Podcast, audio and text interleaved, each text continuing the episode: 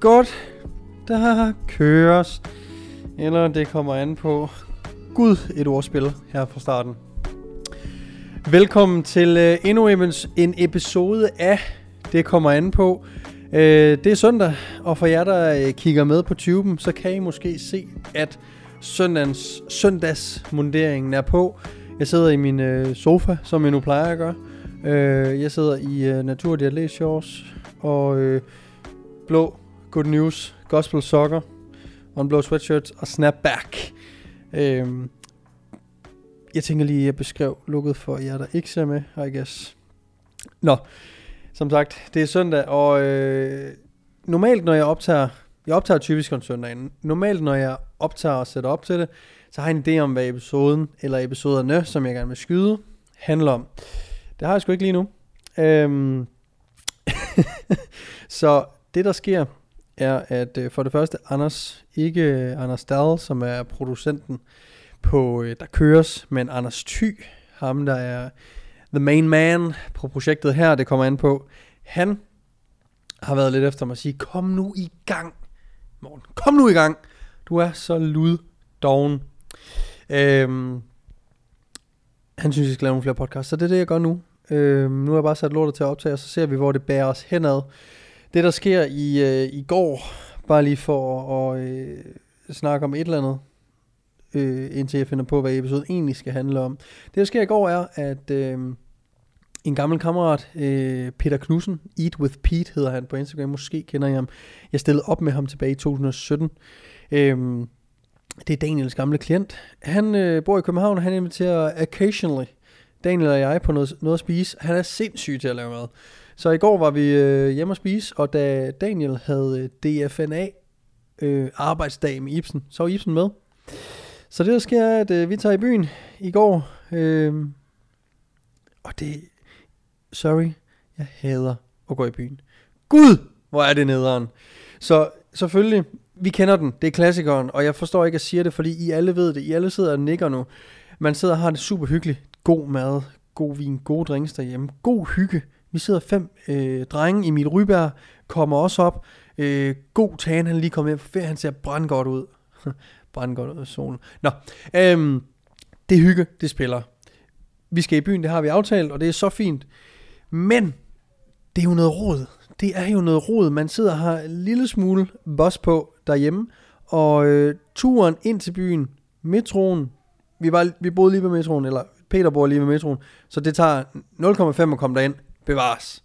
Så skal man finde ud af, hvor man skal hen. Så er der kø i alle steder. Du, du når jo at blive ædru. Hele turen fra, at du siger, nu skal vi afsted, til du står inde på en klub, og bare står... Du kender jo ikke nogen. Altså, du kender jo ikke en sjæl. Vi er fra Jylland. Vi arbejder, jeg ved, fandme ikke 60, 70, 80 timer om ugen. Vi kender jo ikke nogen. Vi står bare og glor. Men når jeg bliver ædru, kommer ind på den der åndssvage klub, og står inde og bare øh, kigger på mennesker. Det, var, det var frygteligt. Frygteligt, frygteligt, frygteligt. Der var nogle søde mennesker derinde, der sagde, øhm, der tog godt imod os, og dørmanden var, var super flink, og det, det, var en, det var en hyggelig tur. Jeg bryder mig bare ikke om det. Det må jeg sige. Det må jeg sige. Jeg har faktisk aldrig kunne lide det at køre i byen. For jeg synes, det bliver så akavet, at man bare står. Og jeg kiggede jo rundt. Nu er jeg blevet så gammel. Jeg er blevet så frygtelig gammel. Jeg kigger jo rundt og betragter alle de... Og nu siger jeg det, øj, det er gammelt. Jeg betragter alle de unge mennesker, Gud, det lyder gammelt. Jeg står jo og kigger, og de sidder jo bare i, øh, de har fået et bord, og så sidder de bare alle sammen på deres telefoner, enten, eller sidder de bare og ud i luften. Musikken er jo for høj til, at de kan snakke sammen. Så de sidder bare, kigger på damer. Færre nok, færre nok. Det har jeg da selv gjort. Men, for helvede mand, betaler 100 kroner for at komme ind, 30 kroner for entré, eller jakken, og så sidder du bare og glor. Køber en flaske til 1000 kroner, som smager helvede til. Kom nu, ikke? Så øhm, ja, det har været sådan lidt en lazy søndag i dag, og det er derfor. Øh, kom sent hjem, var heldigvis ikke så fuld, så jeg har ikke øh, nogen tømmemand, bare for lidt søvn, og skal jo op klokken, øh, klokken 3 i nat for at gå på arbejde, ikke? Så alt spiller. Men øh, vi skal optage, der køres den 16. oktober. Der er jo en lille pause grundet noget logistik, så vi kommer til at skyde... Øh, vi kommer til at skyde, der køres øh, lidt senere, end vi havde håbet. Og der skal vi også i byen. Og der tager jeg simpelthen til den lige, lige og arrangere. Lige ind. Det der er nøglen, det er jo at finde et sted, hvor man kan spise, og gå i byen bagefter, så man ikke behøver den der travel time fra hjemmelig hygge til klubben. Man skal være der. Så hvis I kender nogle steder, hvor man kan være der, spise og så videre, hit me up in the DM's. Ja, det var så introen til den her episode, som så skal handle om træning. Det var, at jeg var i byen i går. Godt. Øh, hvis du følger med på diverse sociale medier, hovedsageligt Instagram, så øh, har du måske lagt mærke til, at jeg har kørt en pokkers masse spørgerunder. Øh, Niklas også, også klassefyr, gode spørgerunder. Følg ham, hvis det er. Øh, men jeg tænkte egentlig, både lige at kunne forklare, hvad er pointen? Det er den ene ting. Men øh, jeg har lige lavet en dag, så jeg tænkte, at jeg lige kunne læse lidt op fra den, og svare på de spørgsmål, der nu er, er kommet ind indtil videre. Øhm, for, jeg, for jeg kan mærke, at folk er lidt undrende. Fordi jeg laver vidderlig en spørgerunde på min Instagram. Ah, 5-6 gange om ugen. Næsten hver dag. Så hvis du ikke følger mig derinde, og hvis du har nogle spørgsmål, så gå ind og skriv dem derinde, for jeg prøver for så vidt som muligt at svare på alle sammen. Især hvis jeg kan se, at der er en person, der har stillet det samme spørgsmål to eller tre gange, så ved jeg, okay, nu bliver jeg lige nødt til at svare på det her. Øh, hvis det vil have mærket har noget med træning at gøre. Øh, men ideen med sociale, gen, øh, sociale medier generelt for folk, som, og hold lige spids lige her, fordi hvis du er selvstændig og får kunder igennem sociale medier og kunder igennem dit personlige brand, som for eksempel øhm, personlige trænere gør, så handler det om at skabe værdi på de sociale medier, således at øh, forbrugeren kommer ind på, på dine medier, og ikke bliver mødt af den ene salgstale efter den anden, men bliver mødt af gode råd, svar på deres spørgsmål, øh, generel guidance, som måske ikke er så personlig, men som er lidt generel. Men vi er altså ikke små snifnuk, vi kan godt følge de samme råd. I'm sorry to say. Så forbrugeren skal jo ligesom få noget værdi ud af at følge dig. Og der er de her spørgerunder øh, jo altså number one i forhold til at skabe værdi for dem, der følger dig. Fordi dem, der stiller spørgsmål, er jo ikke dig selv. Det er jo rent faktisk dem, der følger dig. Det vil sige, at du finder ud af, hvad din målgruppe inde på sociale medier egentlig gerne vil vide mere om, så at sige.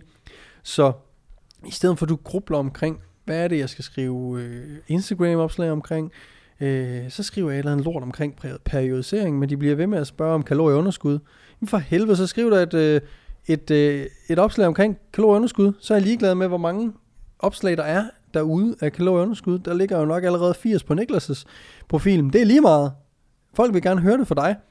Så spørgerunderne er jo simpelthen for at skabe værdi og få øh, finde ud af, hvad er det folk spørger om, hvad er det folk de gerne vil, vil have ud af at følge mig, udover et godt grin, far jokes. Øhm, så det, det, er simpelthen, det er simpelthen det. Og øh, der er ikke noget federe faktisk, end når man svarer et spørgsmål, og den person, eller flere, der bare har gået med samme spørgsmål, slider ind til DM's og skriver tak, og at de kunne bruge rådet og sådan nogle ting. Øhm, for, for meget af det for en personlig træner, det kunne jo være om, det her, det gælder sådan set for alle, der måske er selvstændige, det kunne være øh, frisør, frisører, øh, tatovører, lignende erhverv, hvor at sociale medier er, og personlig branding generelt er, øh, er relativt, øh, ikke nemt, men øh, relevant, og det ord, jeg lidt efter, er det jo øh, mega fedt, at du får nogle spørgsmål ind, og rent faktisk skaber noget værdi for dem, som følger dig. Ja, så øh, det er sådan set bare, hvad kan man sige, den lille fidus ved, øh, ved hvad hedder det, øh, ved alle de spørgerunder. Og så er det jo, øh, så tager det mig jo ikke forfærdelig lang tid lige at svare på et spørgsmål, øh, eller tre, to-tre gange om dagen. Altså, så for eksempel, hvis jeg har øh, et kvarters pause, eller jeg sidder på toilettet og laver pølser, så kan jeg jo altså lige svare på et spørgsmål. Og ja, jeg sagde pølser. Godt. Øhm, ved du hvad, lad os... Øh, jeg ved, hvor lang har den her... Vi er, vi er 10 minutter inde, og jeg har ikke svaret på noget fitnessrelateret endnu. Kæft, en fed podcast. Men det kommer også an på, øh, hvad man lige hører den her podcast for, ikke? okay, Morten, det ordspil, det bliver lidt for cringe nu. Godt. Viva, Lad os, øh, der er kommet, nu skal jeg se her, lige se. Øh, vi har fire spørgsmål her, jeg tænker, øh, som jeg synes kunne være relevante. Umiddelbart. Fire spørgsmål, som vi lige går igennem øh, så dybtegående slash hurtigt. Gud, det er dumt sagt. Øh, jeg svarer bare på dem, som jeg nu har lyst til. Jeg tror bare, det er det, vi gør. Den første er, hvad gør knævarmere slash knæbind? Så hvis du har set folk, som typisk squatter, der har de her øh, knæbind på knæene. Sorte knæbind typisk. De kan også være andre farver. Øhm, så er det egentlig mest for at give en lille smule støtte. De strammer ikke forfærdeligt meget. Du kan selvfølgelig godt købe dem for små, hvilket nogle styrkeløfter køber den altså lige et nummer for, for småt for at få lidt ekstra øh, guf i dem. Men et, de giver varme til knæet. De sørger for at holde øh, ledet øh, varmt og, øh, og hvad hedder det, øh, hvad hedder det, Åh, oh, gud, nu mistede jeg tråden. Anders, du behøver ikke klippe det her ud. Det, vi, vi kører den videre. Det giver varme til knæet, og det giver en lille smule støtte. Som jeg sagde, alt afhængig af hvor stramt du kører den, så giver den en lille smule støtte, men jeg vil våge at påstå, at den støtte, der er, er øh, lidt mere oppe i, på øverste etage, end det egentlig er nede i knæet. Skal man øh, have nogle ekstra kilo på stangen grundet knæbindene, så skal man over have det, der hedder knee wraps, og det er dem, hvor man vikler dem rundt om øh, knæet. Det er sådan noget som for eksempel, hvis I kender Australian Strength Coach Sebastian Orup, øh, det bruger de super meget, hvor at, at de, øh, hvad hedder det, rapper den rundt om, om knæet, og gør det jo fysisk umuligt at lave en bodyweight squat. Det vil jo så også sige, at hvis du ikke kan lave en bodyweight squat, så skal du have kilo på for at trykke dig ned. Så vil det angiveligvis også være øh, lidt nemmere og give lidt mere øh, elastisk energi på en eller anden måde at komme op igen. Men genskæld almindelige knæbind vil jeg våge påstå udelukkende giver varme til knæet, hvilket er super godt. Øh, derudover en lille smule støtte, mental støtte, øh, og en lille smule kompression, altså støtte til knæet. Øh, men det er jo altså ikke sådan, at, at vi ikke kan squatte uden, hvis du er begyndt på at squatte med. Og det er jo heller ikke sådan, at når jeg siger støtte til knæet, det er jo ikke sådan, at knæet lige pludselig farer ud af, af benet på dig under en squat. Det er ikke at således, at du, hvis du ikke bruger knæbind, at du akut øh, tilegner dig en, en øh, knæskade, hvis du laver en 1AM. Så har du lidt øh, knas med knæene, og øh, bruger du meget tid på at varme op, så kan knæbind være super, super fine, fordi de, øh, de sidder og, og, øh, og varmer rigtig godt på knæet og giver en lille smule støtte. Og om ikke andet, så giver det en lille smule placebo-effekt øh, af at have dem på. Så det er det, de gør. Øhm, så er der en her omkring den ekscentriske fase i dødløft, om den er ligegyldig. Det vil altså sige, når vi, når vi har dødløftet vægten op fra gulvet, og vi øh, sætter den ned på gulvet igen, er fasen, hvor vi sætter den ned på gulvet igen, ligegyldig. Og øh, det kommer an på, nøj, der, der passede den faktisk rigtig godt ind, øh, titlen på, på podcasten her, det må jeg sige. Men øh, det kommer an på, hvad målet med dødløften er. Så hvis vi tager en konventionel dødløft øh, og en romansk dødløft. En romansk dødløft er den altafgørende, vil jeg næsten sige. En romansk dødløft er, hvor vi udelukkende skubber røven tilbage og bruger ballerne til at strække hoften igen. Øh, når røven ikke kommer længere tilbage, så skal vi gerne, øh, hvad hedder det, øh, når vi ikke kan skubbe røven længere tilbage i en romansk dødløft, skal vi gerne tilbage til startpositionen ved at skubbe hoften frem. Laver vi den ekscentriske fase for hurtigt her, så vil grænsen mellem, at du bruger din balle baglår kontra din lænd, være super, øh, være super lille, grænsen derimellem. Det vil sige, at hvis du gør det for hurtigt, så kan du hurtigt komme til at bruge både balle baglår og bestemt også en del lænd. Så derfor vil jeg sige, en romansk dødløft er øh, den vigtigste fase, helt sikkert den ekscentriske. Løfter du så en konventionel dødløft, en almindelig dødløft fra gulvet, hvor den skal ned og ligge på gulvet død hver gang, løfter du det for at lave en, øh, for at blive stærkere til en 1RM, altså øge dit, dit one rep max, jamen så er det ikke sikkert, at den ekscentriske fase er så vigtig af flere grunde. Så Den ene er, at når du laver en 1RM i en dødløft, så laver du hovedsageligt kun den koncentriske. Den skal løftes fra gulvet, og så skal den op.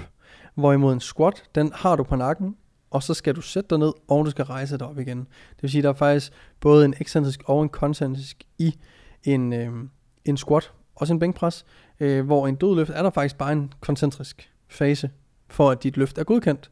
Så nej, der er den ekscentriske fase ikke lige så vigtig.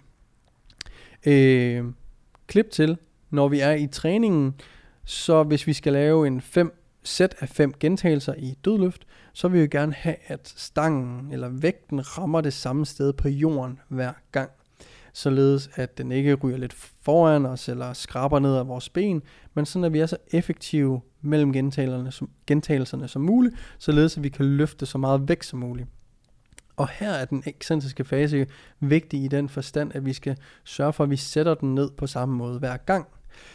Hastigheden deraf vil jeg så sige ikke er så vigtig. Igen fordi, et, vi skal kun løfte den koncentrisk.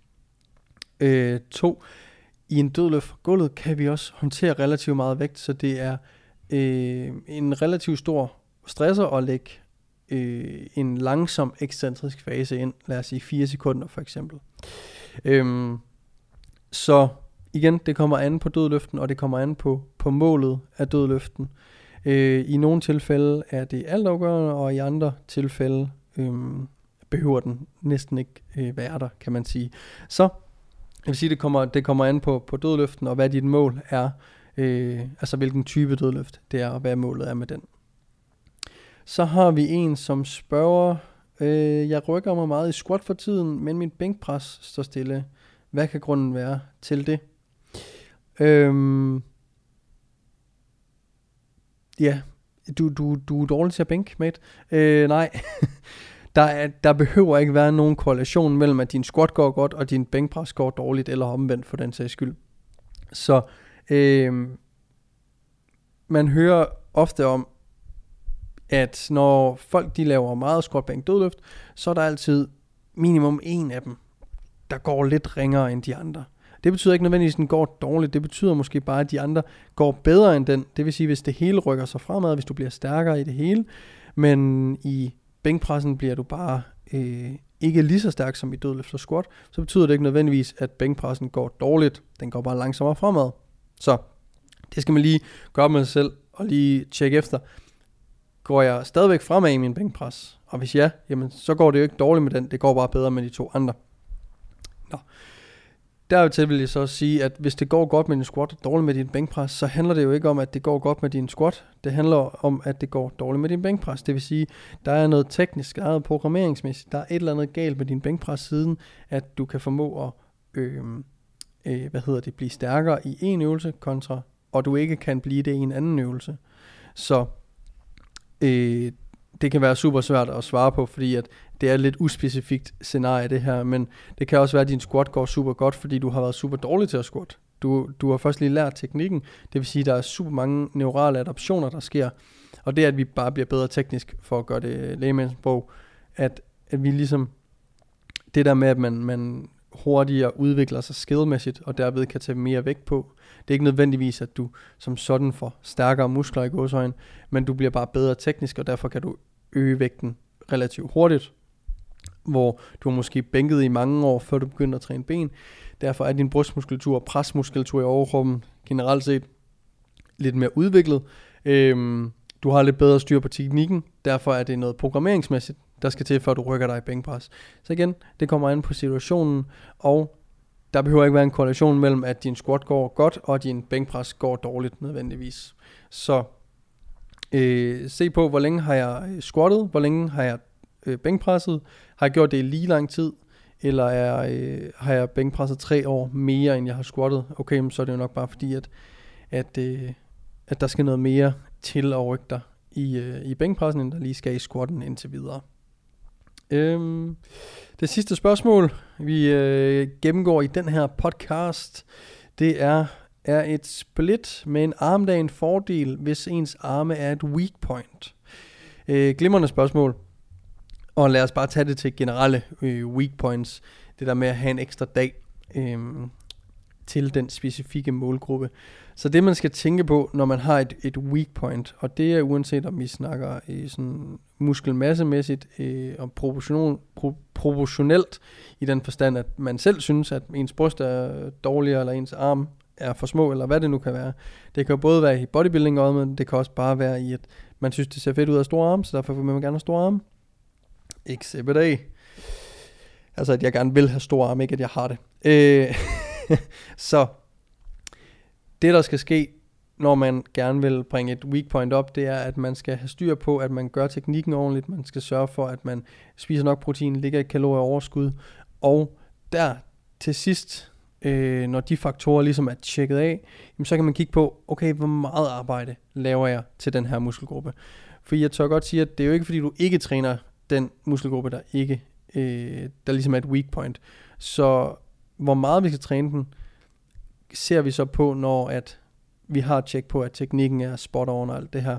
Og derved kan det være fint at lægge en ekstra dag ind, men øh, hvis du kun har tre sæt arme, hvis du har to overkropdage med tre sæt biceps, tre sæt triceps på hver, det vil sige seks sæt til øh, biceps triceps om ugen, så kunne du starte med bare øge antal sæt på de dage. Det vil sige altså ikke have en ekstra dag til det.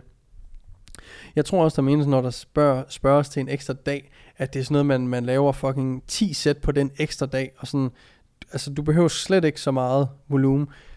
Tilføj arme, vil jeg mene, skal ligge et sted mellem 6 sæt ugenlig basis til 12 sæt ugenlig basis.